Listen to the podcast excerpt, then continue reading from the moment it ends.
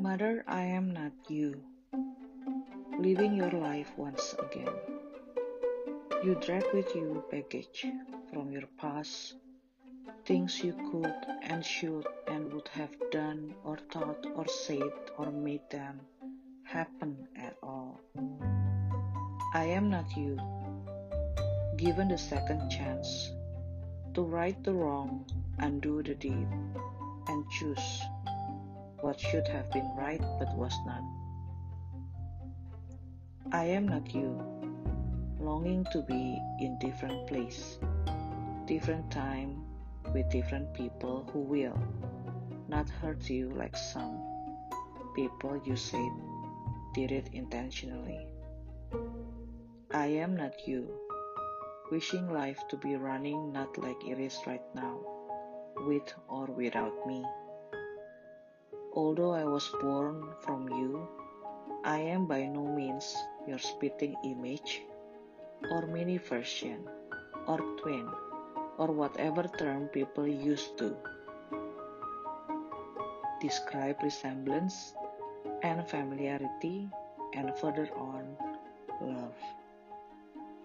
I am me, sharing with you the basic obvious hair color shapes of face and eyes, the same pout, the same gesture we show people we clearly dislike.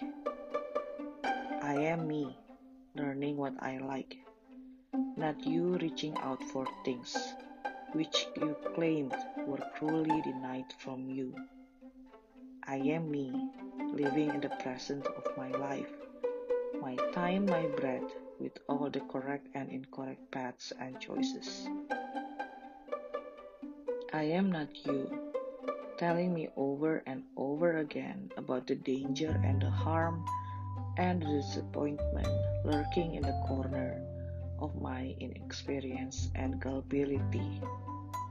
I am me with my own fears and mistakes and lessons learned. Daughter, I am not you, living my life once again. I may teach you, give you suggestion every now and then, whenever I deem necessary or whenever you feel you need it. I am not you, starting fresh and new every single day.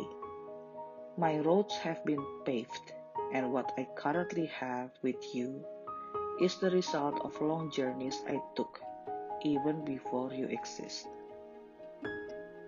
Your travel is not mine, although I can lend you some advice should you think it's time to include me in making decision. I am not my mother and my daughter is not me. We are three people bound with blood and love and loyalty. We pledge to one another until the end of time. We are three spirits roaming freely and independently, sometimes side by side or other times contentedly far and away. And it is fine, it is alright, it is natural. It doesn't mean I love you too less or you too love me not as much as I think you two will. Apart from the identical bones and blood running through our veins, we remain three people.